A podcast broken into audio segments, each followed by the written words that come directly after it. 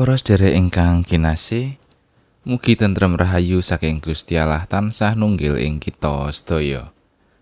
Matur nuwun panjenengan taksih miyarsakaken renungan padintenan basa Jawi Sabdo Winedar. Ing dinten menika kita badhe gegilut cariyosipun Ayub. Kados pundi pangrimatipun Gusti Allah ing satengahing panandang ingkang dipun alami dening manungsa. Waosan kapendhet saking Ayub bab 19 ayat 23 ngantos 17. Monggo kita ndedonga langkung rumiyin. Duh Gusti Allah Rama kawula kasuwargan. Kawula ngaturaken pamuji syukur lan pamatur nuwun. Awit sedaya berkah pangrimat ingkang tansah kawula raosaken ing gesang kawula sadinten-dinten. Duh Gusti ing wekdal menika kawula sampun sumadyo badhe nampeni sabda pangandika saking paduka. Monggo mugi Gusti piyambak ingkang maringaken sabda menika ing manah kawula. kawula mugi katuntun dening Roh Suci lan kasagetaken nindakaken sedaya dawuh paduka ing satengahing gesang. Matur nuwun Gusti. Kawula ngrumaosi tasih kathah dosa kalepatan ingkang kawula tindakaken. Mugi paduka kersa paring pangaksami. Wonten ing asmanipun Gusti kawula Gusti Yesus Kristus ingkang gesang, kawula ndedonga. Amin. Kitab Ayub bab 19 ayat 23 ngantos 17.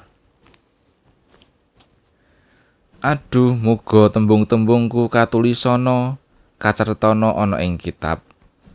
Tinatahono kalawan wesi pangukir lan timbel. Ana ing gunung parang kanggo ing salawas-lawase. Nanging aku sumurup, panebusku iku gesang. sarta ing wekasane panjenengane bakal jumeneng ana ing lebuning bumi. Uga sawise kulite badanku rusak banget, malah sanadyan tanpa dagingku aku bakal ndeleng Gusti Allah. Kang bakal dak deleng dhewe iku bakal mbelani aku. Mripatku dhewe kang ndeleng, dudu wong liya. Telenging atiku banget anggone cecengklungen.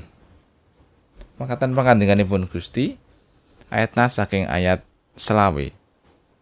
Nanging aku sumurup, panebusku iku gesang, sarta ing wekasane panjenengane bakal jumeneng ana ing lebuning bumi. Renungan kaparingan jejer, menapa Gusti Allah ngatosaken.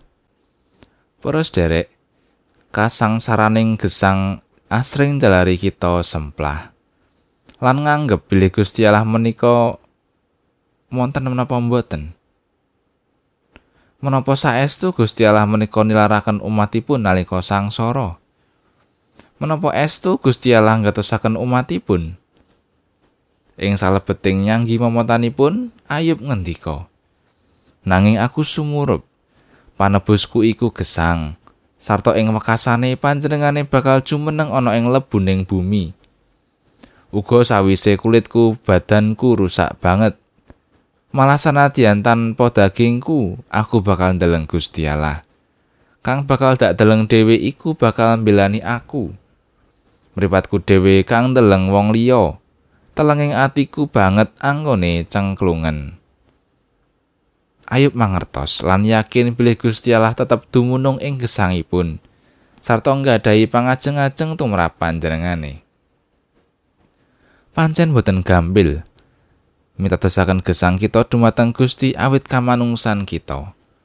Ananging kita kedah rumaos, bilih gesang lan pagesangan kita menika namung amargi sih rahmatipun Gusti. Gesang kita menika boten namung sampun dipun birat dening Gusti saking panguwasipun dosa ingkang jalari pati, ananging ugi tansah dipun gulawentah dening Gusti.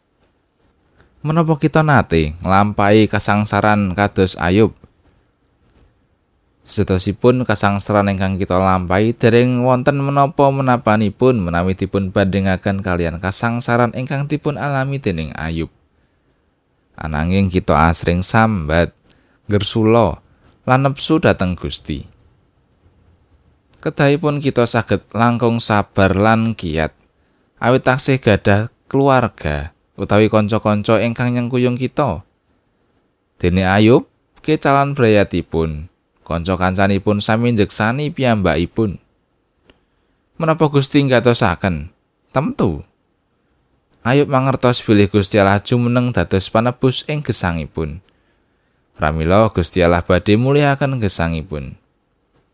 Iman ingkang kados Ayub menika ingkang kedah kita gadahi. Langkung-langkung nalika kita ngadepi kasisahan lan kasangsaran. Amin.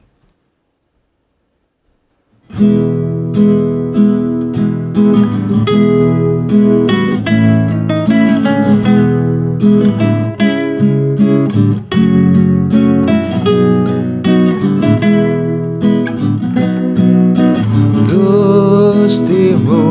sampun ngantos nglangkungi ulun.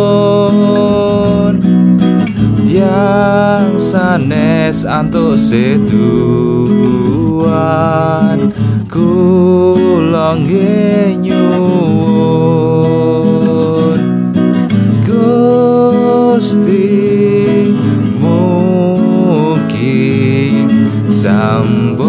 sampun langkung tiang sanes antuk seduan